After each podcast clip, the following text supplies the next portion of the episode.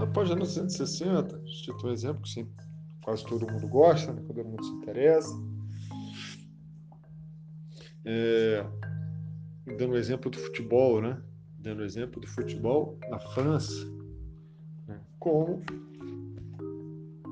que aí a, a manchete né, do, para conhecer mais, Copa da Rússia 2018, multiétnica, seleção de França, seleção da França bicampeã mundial tem raízes em 17 países. Isso mostra de forma exemplar a constituição da população francesa em particular, né?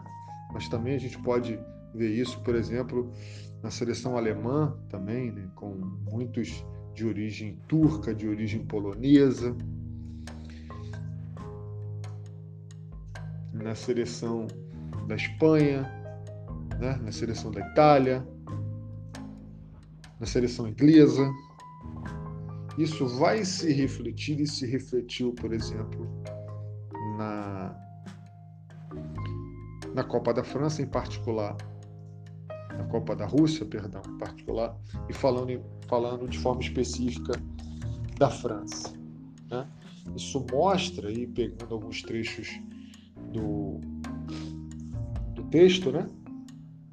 além de franceses e espanhóis como Loris, Há descendentes de Filipinas, Mali, Mauritânia, Senegal, Argélia, Itália, República Democrática do Congo, Haiti, Angola, Camarões, Guiné, Marrocos, Togo, Martinique e Guadalupe. Ou seja, é, obviamente, uma, grande maioria deles, os pais é que foram os imigrantes, né?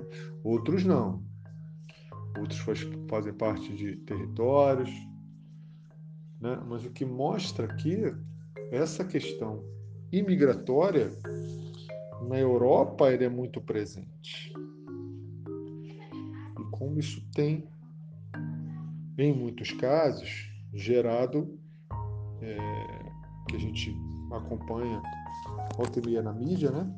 na imprensa, movimentos xenofóbicos, né?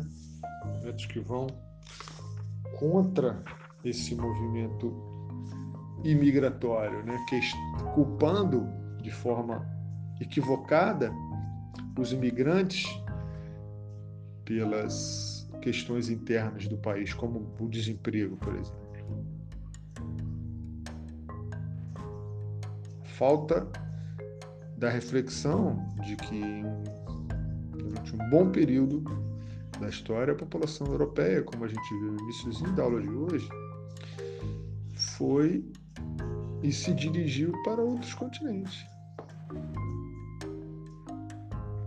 E que a questão da migração, ontem, hoje e amanhã, deverá ser pensada, discutida sobre vários aspectos, né? O aspecto da necessidade de mão de obra, que é uma necessidade do capitalismo, questão do envelhecimento da população, a questão previdenciária, a questão da diferença de níveis de desenvolvimento. Por que não se pensar antes de mais nada isso? Opa! Fora as guerras, desastres naturais, né, perseguições políticas, religiosas, as pessoas migram e muito devido a desigualdade econômica, devido à, impossibilidade de, de reprodução do seu modo de vida no seu país. E que tem outro, um nível de desenvolvimento muito mais elevado. Então, por que, que existe essa diferença? Aonde e como refletir sobre isso? Nas desigualdades econômicas, mas por que existem desigualdades econômicas? Por que não se discutir, então, um melhor equilíbrio na distribuição da riqueza? Queria, por exemplo, minimizar os fluxos migratórios. Isso ocorre, aí olhando mais para dentro do nosso país, ocorreu e ocorre ainda em menor escala em relação regiões, né? Nordeste em relação ao Sudeste e outras regiões em relação ao Sudeste? É devido à desigualdade econômica, é devido à falta de condições da pessoa viver. Então, por que, que eu não se discutir a, a diminuição dessa desigualdade? Ok?